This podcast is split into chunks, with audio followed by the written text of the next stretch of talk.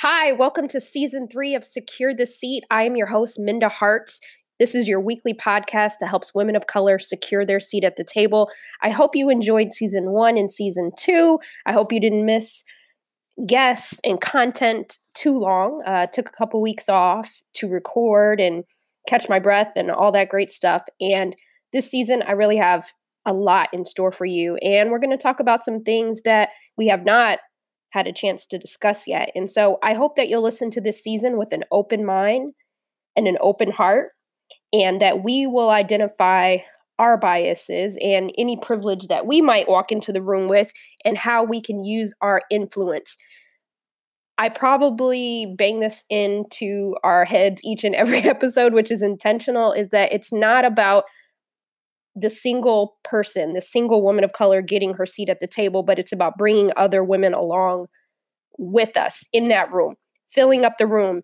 Uh, I, I'm just so stoked that it's season three, and I'm not going to keep you too long because I have this amazing interview. It's a topic that I have not covered yet, and I'm really excited to to share it. And we go a little long, so I'm not going to take a lot of prep time for it, but it's a beautiful interview. And before I get that going, I just want you to know that Happy New Year. You know, it's 2019 and being a woman of color is a beautiful thing. I know that there are some things that we're up against, but I, I do believe this is our year. I just recently got back from Austin, Texas, speaking at a culture summit, and I just am excited about where we're headed what we're doing. Um, it was interesting because at the Culture Summit, there weren't a lot of people of color as attendees out of about 250. There probably was like a couple of handfuls of people, but the people in the room that were not of color were very eager. They were CEOs and C suite executives, and they're very eager to learn what they can do to help us secure our seat at the table. And so I hope that at least the session that I taught, I encouraged them in the next 30 days to put something that they learned into action. And so I would encourage you that if there's something that you want to do this year, don't wait, go for it. It's like that alternate universe, right? Like there's this like black hole and we just have to step into it and go get what's ours. We don't, may not know what's on the other side, but we know something's waiting for us. And so today's episode is about the intersection of love and in order for us to expect good allyship from others, we have to be good allies as well. And I first learned about Jodie Patterson a couple years ago. Um, I heard her speaking about her trans son, Penelope, and I just love how she shows up in the world as a black, fearless woman. And I hope you enjoyed today's episode. She has a book that just came out this week called The Bold World. Go to the show notes, mindaharts.com, and purchase that book. If you are not trans, this it doesn't mean this episode is not for you. This is for all of us. If we want to stand in the gap or be good stewards and be good allies, then this episode is for each and every one of us. And so you may not know how you can be supportive in ways, but you know what you could do? You can purchase this book because that is one way that we can equip ourselves, uh, even as leaders and managers. Maybe um, you may get it for a friend or something, but I just want you to know have an open mind when you listen to this because it's a very beautiful episode. Here we go. Jodie, welcome to Secure the Seat. How are you? I am really good. Thank you for having me. I'm excited for our conversation, and it's a big week for you. Your book drops, The Bold World. Congratulations. I have, yeah, thank you. I have um, this book that's dropping. I have a child going into high school. I have one who's left to go study German um, in Switzerland. it is one of the many things that I'm very proud of right now congrats to all of that. I love it. Uh, before we get into the conversation, I'd love for you to tell people a little bit more about you.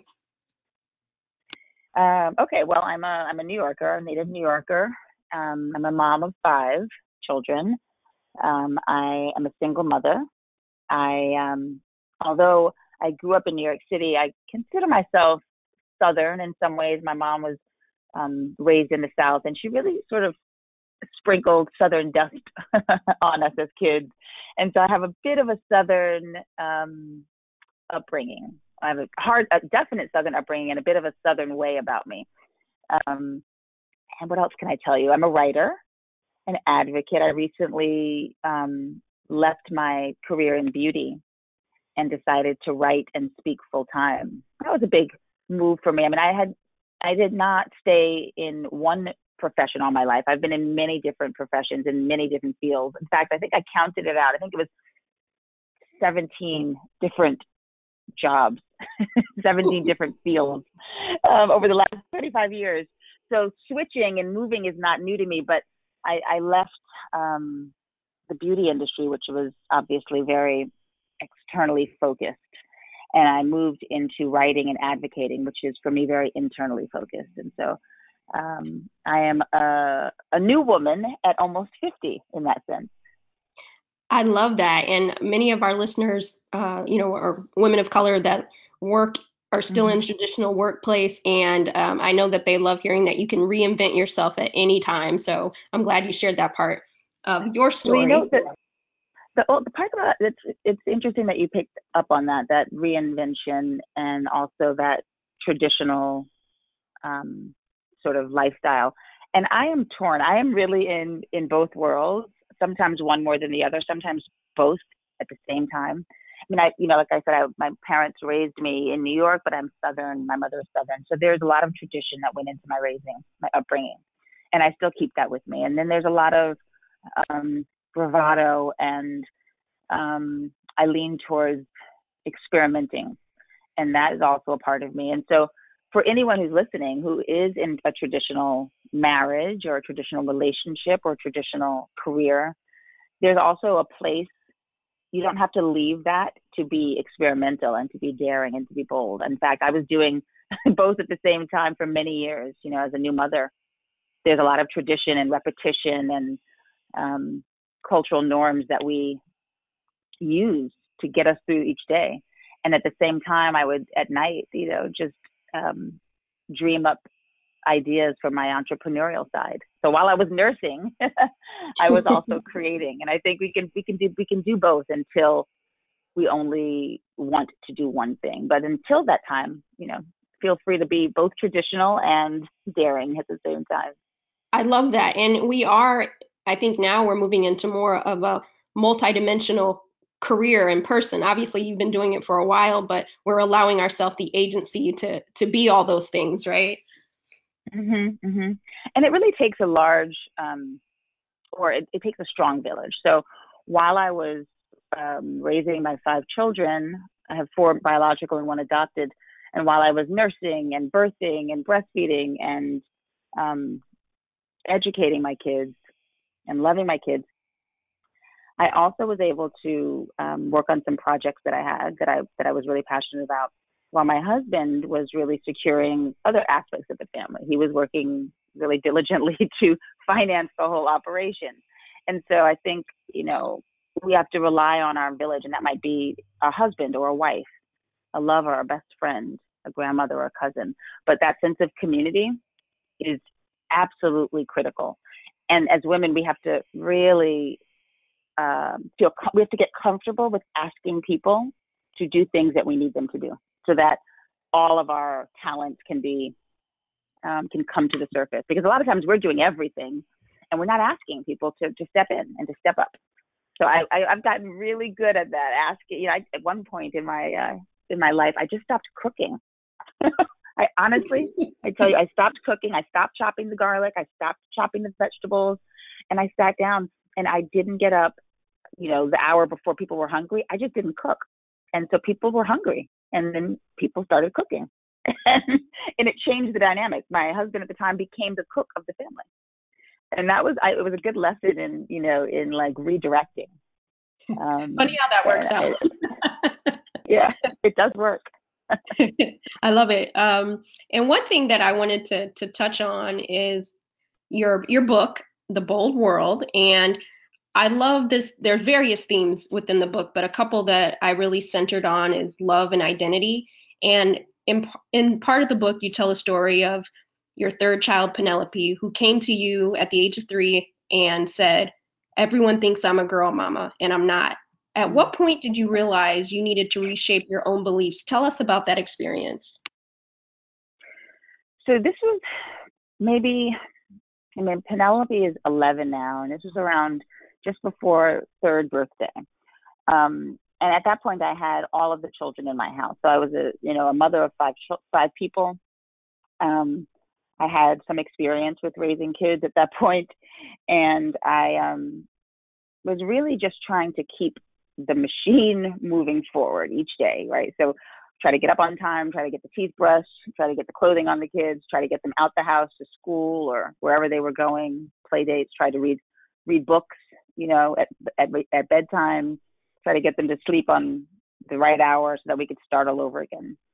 And um it was all pretty I thought rudimentary because I had what I thought were two girls and three boys. But Penelope, my third child, was was problematic. Penelope kept changing the system. Penelope said no to the diaper change, no to the hair brushing, no to getting dressed. In fact, I think Penelope's first word was a protest word. It was no. And it was no to really every everything, you know. And I thought this kid is going to try me, and I'm not, and I'm going to win because I'm the parent and I have a system here and I have a plan.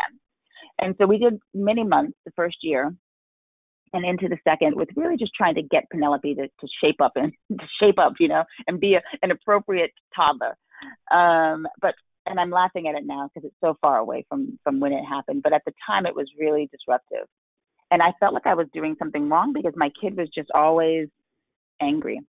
And by the time Penelope was two, there were there wasn't a day that would go by without screaming, pushing brothers, pushing kids on the playground down the slide, knocking over blocks, screaming on the floor.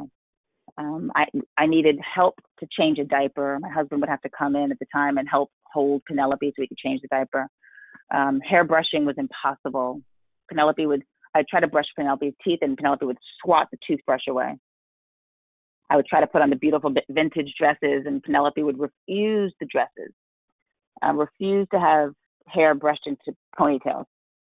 As Penelope's language started, he would Penelope would say things like, "I want to, you know, brothers' clothing or jeans or cut my hair into a mohawk like Papa's."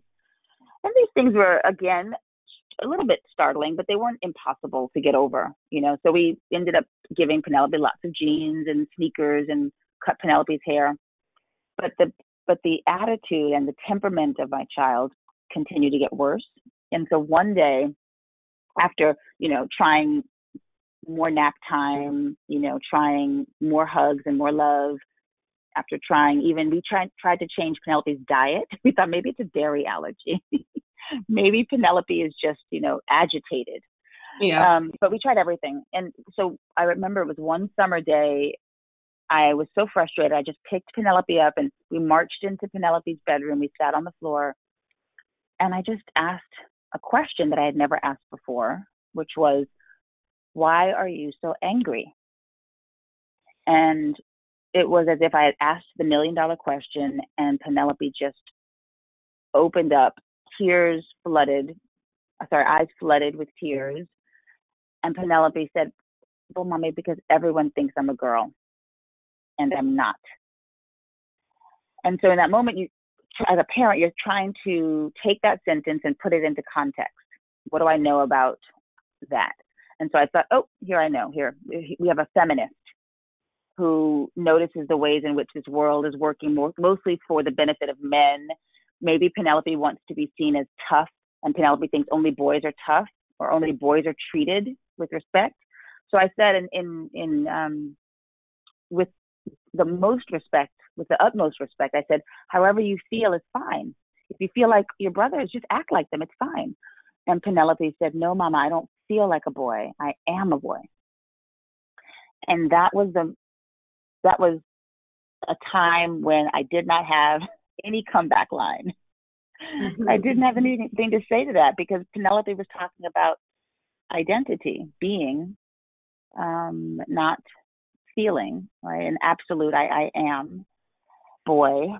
And I again I was thinking maybe I dropped the ball. Maybe I forgot to raise a feminist. Maybe I have, have maybe I've have not taught Penelope about all of the strong women that have changed the world. Billie Jean King, Nina Simone, Shirley Chisholm, Aretha Franklin, women that have really done, you know, Assata Shakur, um, Elaine Brown. There's so many women that I could that I wanted to pull from, and that my parents used to teach me to be strong and to be confident. Um, and I thought maybe I had forgotten the lessons. Maybe I had forgotten to do what my Southern family had done for me. So I felt really guilty um, about my failures. Um, and I just I listened in that moment to Penelope really telling me over and over again about his world.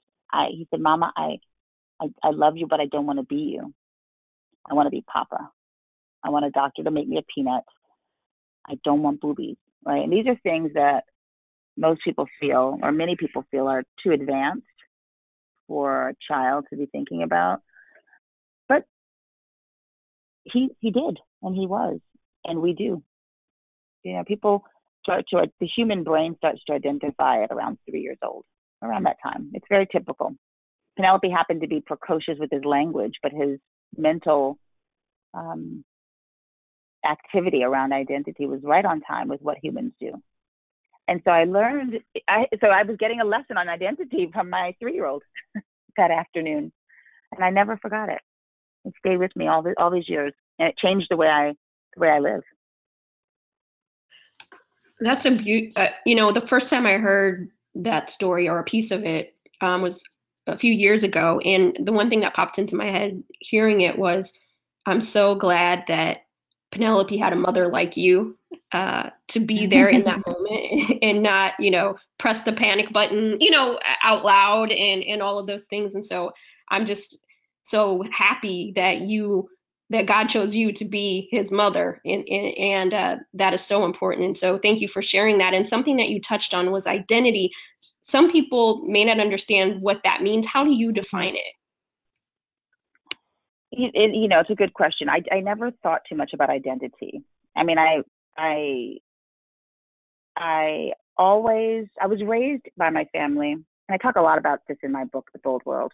I was raised by parents, and in our house, they created what I like to call an actively black household, right? So everything that we saw and touched and heard um, and smelled had elements of blackness. So we had Faith Ringgold books and we had um, Nina Simone songs and we had Gil Scott Heron, who's my uncle, at the dinner table, um, you know, who wrote The Revolution Will Not Be Televised, but he lived his life that way too. Um, I had Romare Bearden on the walls. We just had, you know, we went to um, play tennis at the country club, but we also played tennis in Harlem on the street.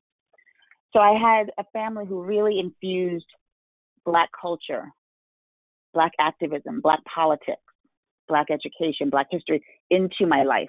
So I never was given the, the, the, the speech that you are Black. I just knew it intrinsically. And, and so that my, my identity growing up was very wrapped in and solidified in the Black community, Black community.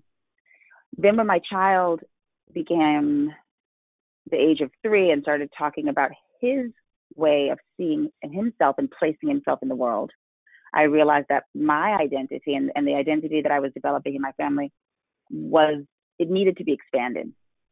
So identity, it needed to expand into the LGBT community. So identity is how you place it. The way I see it, identity is how you place yourself in the world. It is how you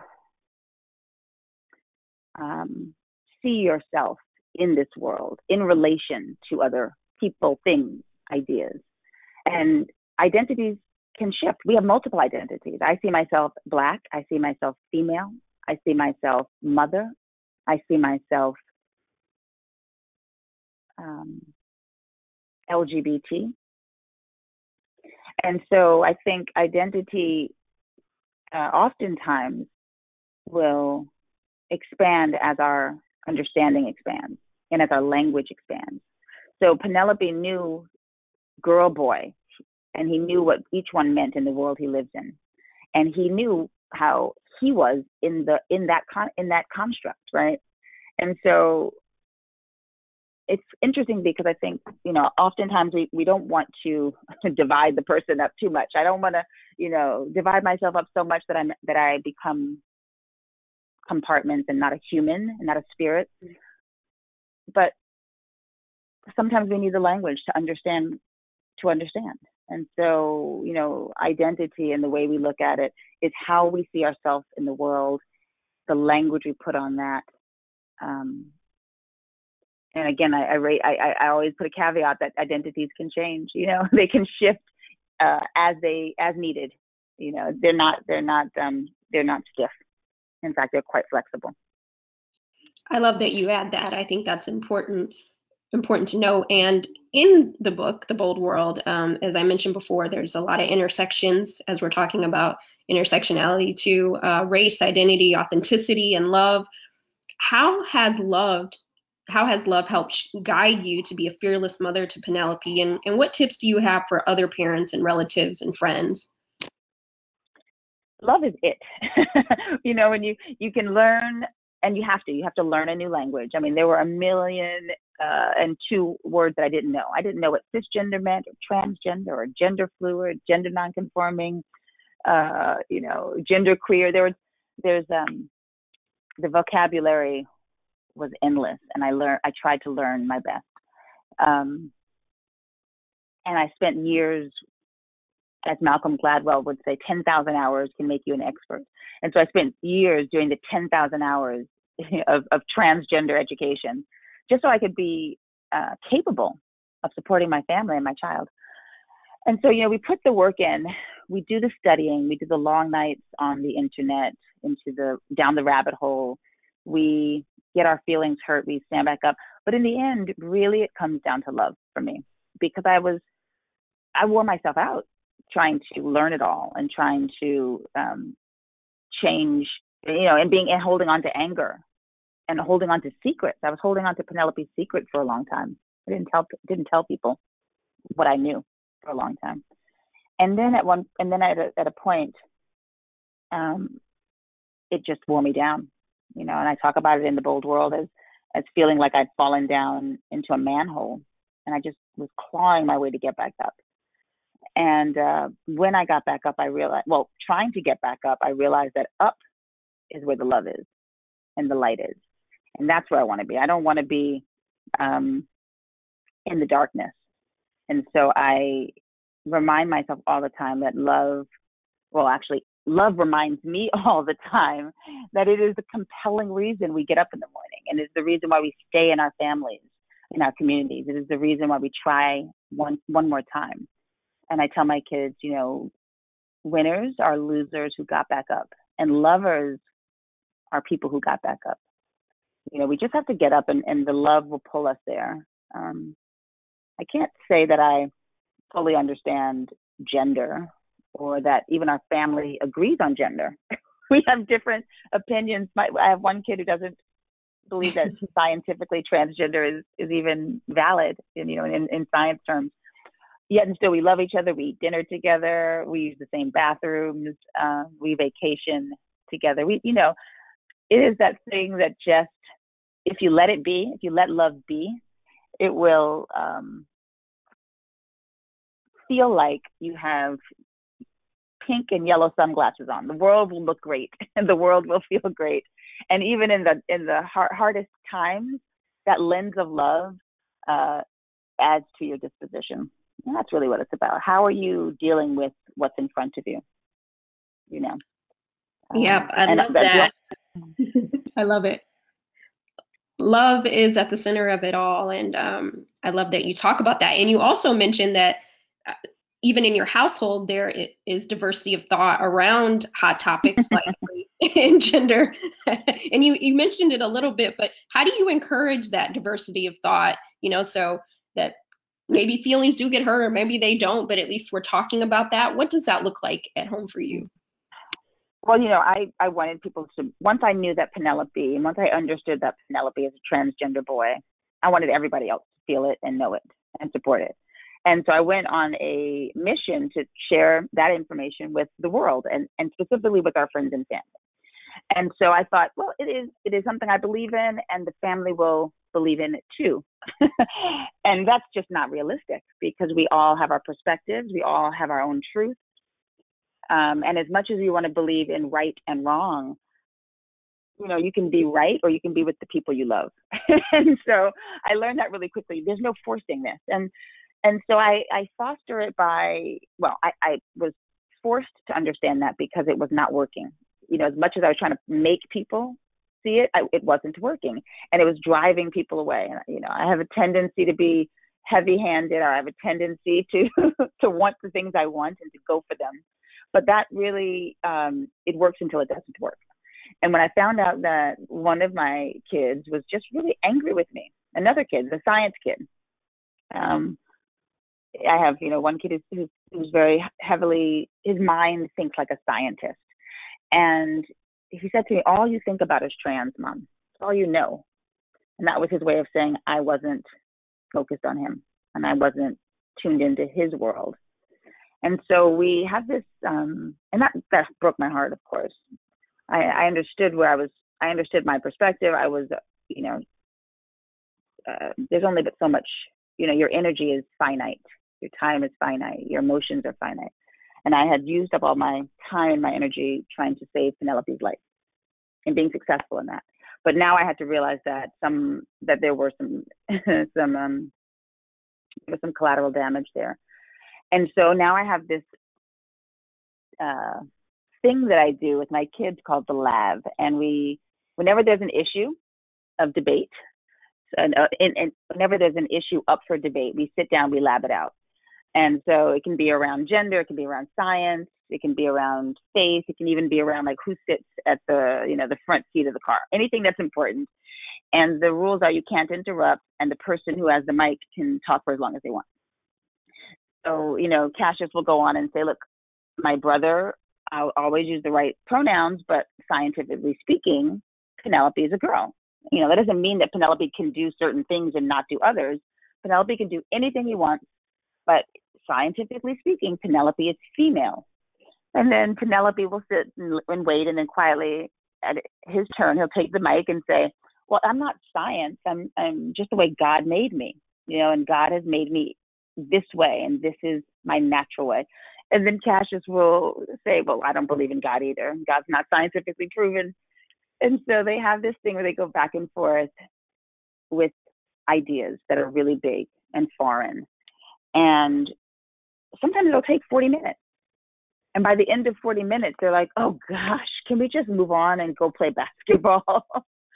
and they're totally done with the conversation. And they've found that it's much more interesting to get along, to interact than to not, right? So I don't think that they are any necess- I don't think that they're necessarily any closer on their belief system. They might they might be at the opposite ends of the spectrum. Penelope having lived as a trans person, and Cassius had, uh, you know, not not believing in transgender. So they kind of are at the opposite ends, but yet and still we eat dinner together, we um, play basketball together, we use um, the same house, and we live. So I think you know that is a very good example of what can happen in the world. We don't have to agree. Right. We could take that. We could take that on the road. Uh, we we we all. it's so funny. My my son said to me the other night, and, and so like this, so it's a little bit of a of a subversive tactic, right? The longer you talk things out with kids, the less they want to talk about it, and they just want to get back to fun stuff, right? So in that sense, I'm trying to really do two things. One is to uh, allow us to develop the ability to learn. Sorry, um, a couple of things I'm trying to do. One of the things I'm trying to do is to allow us the ability to debate, discuss, and disagree in a respectful way. So they really understand. Penelope can has heard his own brother say, "Well, I don't believe in transgender," and he, although does not like that at all, and I'm sure it hurts his feelings on a certain level. But if he can understand that that's how people, some people feel, and if he can, if he can um, learn to not let that break him from his in a very safe space at home then when he goes out into the world to college to the office right maybe he you know wherever he is as an as an adult he is already understood and he's already prepared for diversity of thought um, and it does not it does not mean that he is less than or more than whatever he is he has said he's determined himself his brother has a different perspective, and and it's okay. you know what I mean? It's okay. And I think Cash is on the same note. My science kid, he may not ever quote unquote believe in trans, but he will have 20, 30, 40 years of experience of living with a trans person, and it will not make him want to pick up a gun or or hurt someone or deny someone of a job or um, fight against someone who's trans. I mean, he will have that experience, and I think that will carry him throughout life and dictate his behavior. Maybe not his his perspective, but it will dictate his behavior, and that's that's my goal. How do we behave in this world? How are we with other people? You know. Yes. Um, no, that's wonderful, and I. I'm so excited for people to get your book, The Bold World, which is when this episode airs, it will be available uh, to be bought. And so I want everybody to go out wherever books are sold and buy like tons and tons of copies and everybody that you know. We all need this book. It's I just it's one of my favorites of 2019. And so um, thank you, thank you so much. So I um I am on Instagram. I'm actually very easy to get in touch with. If you DM me on Instagram, I'm always um, getting back in touch with people. And in fact, many of my great close friends and work associates I've met through social media. I'm Jodie Patterson um, on Instagram, and that's probably the, the, the best way. And then my my website is jodiepatterson.com, J O D I E Patterson with two T's dot com. Um, and you know, the to the point of the book, the book was really about me about me. I want to make sure that um, I, I, for myself, I wanted to make sure that I understood this process. And this process of understanding my trans kid and standing up for my trans kid and becoming a trans advocate really has a lot more to do with how I see the world than just one person. And when I stand up for trans rights, I'm standing up for women's rights and and black rights and I'm saying that all of our lives matter in a very and, and we have to connect the dots so that when I see people oppressing transgender folks, I know what that is like. I can relate to that on many levels. And so I don't need any um, proof around the around being trans. I just need I, I have had so much proof on oppression. And so the book for me was just connecting the dots and showing that my family as um, advocates in the South for integration and for um, equality um, felt very useful for me in this process of standing up for my son, for for transgender people, and for intersex people, and for gender nonconforming people. Um, and so I hope that even if you don't know a trans person, even if you yourself are not trans, even if you're not a parent of a trans person, that if you want to know this world a little bit more, if you want to fight oppression with a little more ammunition. If you want to understand the diversity of this human experience so that we can be better in this world, be bolder in this world, then that is what the book is for, right? It is for anyone who wants to know how to be more. Um, and I also wrote the book specifically for the Black trans kid, right? I'm a mom and I wanted to tell Black trans kids, I'm not ever turning my back. I'm here. I see you. I care about your story. And I'm here to um, help lobby for better rights and legislature. Um, I'm here to speak at schools so that you're safe at school. I'm here to try to talk to parents and family members so they can see your perspective. Um, and so the book specifically is for my Penelope and for um, any and all Penelopes. Yes, I love that. And I'm glad you made that, that that you articulated that the way you did because it's it's all of our fight, and it's important that we mm-hmm. all um, educate ourselves. And this is one way uh, to do that, and many other ways. But this is a good first step if you're not sure where to where to move for, forward on that. But I'll make sure that all of your information is in the show notes, so um, folks can order the book and connect with you and follow you. And you'll you're on book tour, right? So we'll make sure that yes. people see you yes. where you are and before we go, I have to ask you my two bonus questions. okay. Here they come. And so I am a lover of grits and rap lyrics. And I have to ask, do you eat grits, Jodie? I love grits. I'm totally Southern and um, I eat grits. My kids are like a little less Southern, so they eat more polenta. Okay. than grits, but I try to get it in there either way. But yes, I'm a grits person for sure. Awesome. Sugar or salt? You know that was coming next. oh, salt. I'm completely okay. salty, and I would be dousing the salt on. Except now at almost 50, I wake up and my eyes are puffy. So, for vanity reasons, um, I've cut, cut down on it. But I have, I always have different um, types of salt. I'll, I'll have pink salt, and I'll have kosher salt currently in my in my cupboard right now. I love salt, and I will at the end of a meal. I rather have an olive than a slice of pie for sure. You like salt. I do too. um, the other thing is, uh, what is your favorite rap lyric and why? So funny that you ask. I have had this um, habit over the last five, six years of of, record, of writing down my favorite lyrics. So I spend a lot of time in my car driving my kids uh, to and from school. And so we, if we're not listening to talk radio, which is sometimes we're listening to music, which is most of the time. And I actually don't, um, I don't filter the music, so we can do curse words if we if we so choose in our in our music. And um, so there's a great. It's it's hard to tell you the lyric without sounding so uh, you know it's, the lyrics are very, very hardcore.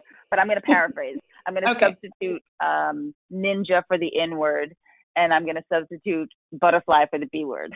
um, that works. so it's yeah, yeah. So it's real ninjas let real butterflies come first. Um, taking it. It's actually a, a feminist perspective, and that is of a male feminist perspective. So a lot of men that I know and respect are feminists, and they understand how radical it is for men to step aside so that women can step forward. And so when a real man, when a real strong, confident man who believes in equality says, you know what, I'm going to move away. I'm going to back down. I'm going to hush my mouth. I'm going to uh, put my needs secondary so that women who have not had the opportunity can have the opportunity, to me that is radical. And so I'm not, you know, so although we're talking about sex in this in this uh, lyric, we're also talking about politics and, and men who understand the need to let women come to the front, their mothers and their wives and their daughters come to the front and come first. um, to me, that that was like I, I, was listening to that lyric and I wanted to break it down for my kids, and I had a hard time because it's so complex. So real ninjas let real butterflies come first. I love that. That's the cool thing about rap lyrics, right? There's so many nuggets and ways that you can. It's almost like scripture, right? If you read it a couple of different times, you get a certain meaning to it. Yeah. So, yeah. And, you know, I, I brought it up with some of my friends and they're like, I don't think that's what she meant. I'm like, no, I know that's what she meant. I know she was talking about, you know, the grace that it takes for men in this moment to to quiet down for a minute, right? To be sensitive to the needs of women and to the needs of the greater good. And so I'm for sure uh, confident that rap lyrics have multiple meanings, and many of them are sexual, and many of them are political, and I would even say that they are feminist. so there you go. I agree, and and you touch on this in your rap lyric, but the podcast is called "Secure the Seat." What does that mean to you? Well, you know, it, to me, it, it it means a lot um, on a political level these days, and for many years I was not intentionally I was not following politics. I was not reading the newspaper every day. I didn't have a television, so I wasn't watching the news. And that was intentional. I did not want to be inundated with um, media frenzy.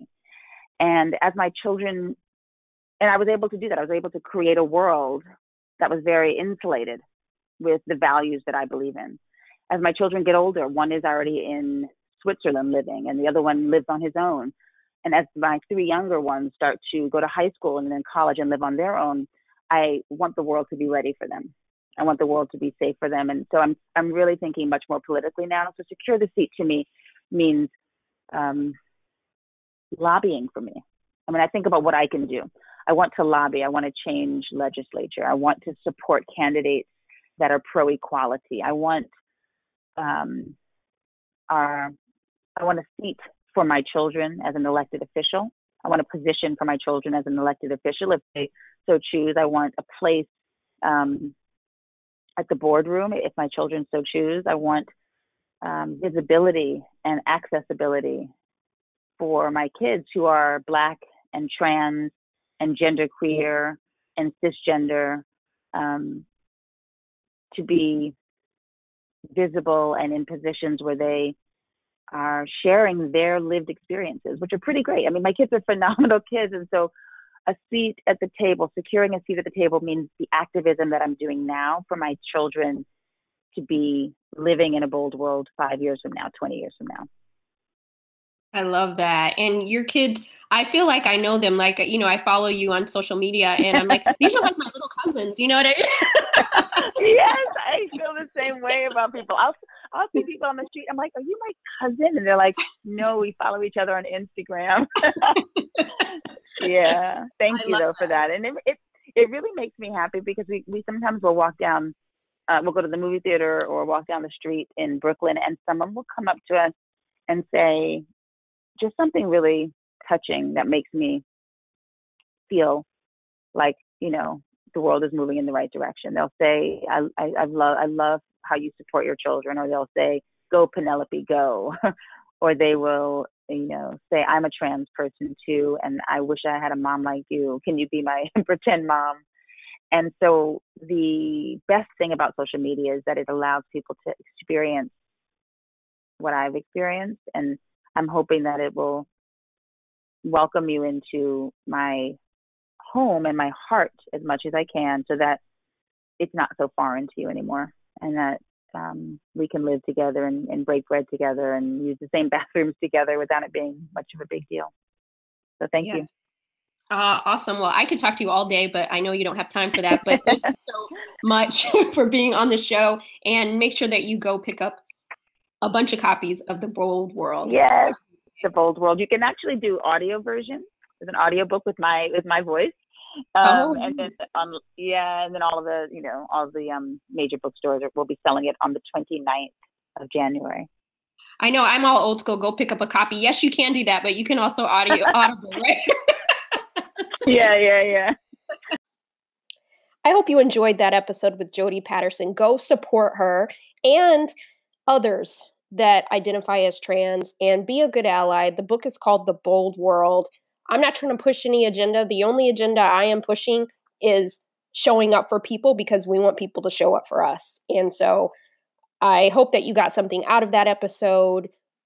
The Bold World is wherever books are sold. And as Jodie mentioned, you can go and follow her on Instagram and check out her website, jodiepatterson.com. And I'll link all of those things to the show notes at mindaharts.com. I am so stoked about this season. I can't even tell you how excited I am. We have some amazing interviews, no different than season one and two because we had amazing women. Uh, but this season, I have done something a little different, and we we're touching. We're going to touch on ageism. We're going to touch on some technology stuff. We're going to talk to uh, former assistant of Michelle Obama. I mean, you all were we're really going to get into it. And I even have my first male on the show, and he's going to talk about employment law. So it was really fun to hear what everyone's rap lyric is for the year. And so, um, and I have some that I want to share this year too with my heart to hearts. But if you haven't gotten a chance, please go to Apple Podcast or wherever you're able to leave a rating or review and do that for me. If you enjoy this episode, uh, reach out to me on Twitter. That's where I'm most active. Or you want to start a conversation at Minda Harts. And then also share it with someone that may be able to benefit from this episode. Let them know about Secure the Seat. I appreciate each of you coming back for the ride with me. And so have a great week, and I'll see you next Wednesday.